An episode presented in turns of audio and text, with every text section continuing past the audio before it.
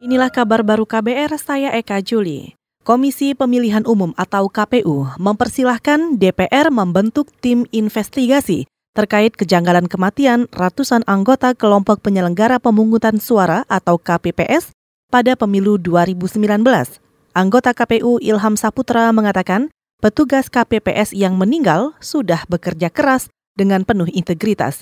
Maka secara etik KPU tidak ingin melakukan otopsi kepada jenazah mereka demi menghargai perasaan keluarga. Karena kalau memang kemudian dipandang perlu, siapa yang buat, ya silakan saja dibuat investigasi itu.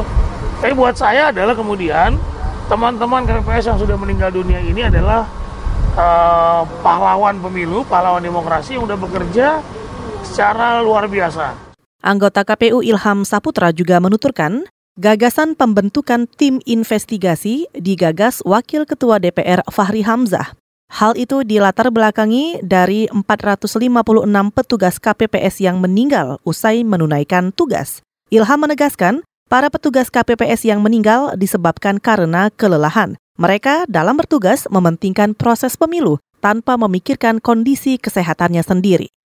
Saudara Kementerian Perhubungan mengklaim persaingan harga tiket pesawat oleh maskapai penerbangan masih dalam koridor yang ditetapkan.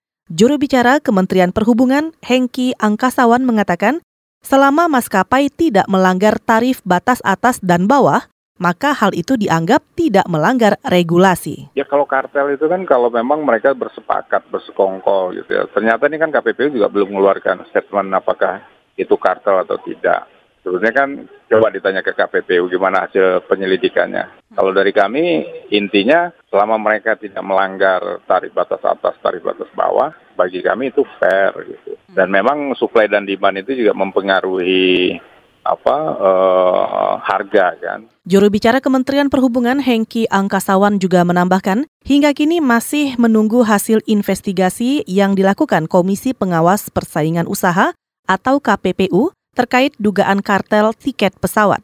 Sebelumnya, KPPU menyatakan penyelidikan dugaan kartel tiket pesawat masih dalam proses investigasi. Sejumlah pihak berkompeten sudah dipanggil KPPU, misalnya Inaca, Garuda Indonesia, Sriwijaya, Wings Air, Batik Air, Citylink, dan lainnya.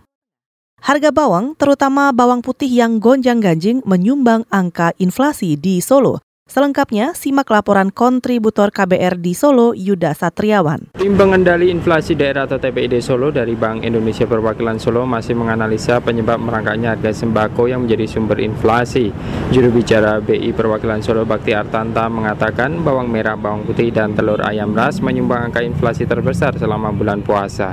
Tadi disampaikan misalnya bawang putih, Alhamdulillah sudah mulai ada impor informasinya masuk. Bahkan di pasar lagi sudah mulai turun. Mudah-mudahan di sini pun akan turun. Dan tadi udah ada gradasi harga. Kalau yang masih tinggi itu biasanya masih stok yang lama. Stok yang lama. Tapi yang stok yang baru sudah mulai 50-55 bawang merah juga udah mulai turun, turun juga gitu. Mudah-mudahan itu. Karena memang kemarin penyumbang inflasi terbesar ada lima sebenarnya. Yaitu bawang putih itu penyumbang terbesar ya. Terus tiket pesawat sebenarnya. Terus bawang merah, telur, ayam ras. Nah, cuma mungkin kita juga harus perhatikan kalau tren yang tahun kemarin bawang putih, bawang merah itu tidak tidak menjadi sumber inflasi. Angka inflasi di Solo bulan April lalu mencapai 0,68 persen, melonjak dari angka inflasi sebelumnya yang sekitar 0,29 persen. Angka inflasi bulan April tersebut melebihi presentasi inflasi di Jawa Tengah yang mencapai 0,45 persen. Demikian laporan kontributor KBR Yuda Satriawan. Saudara demikian kabar baru, saya Eka Juli.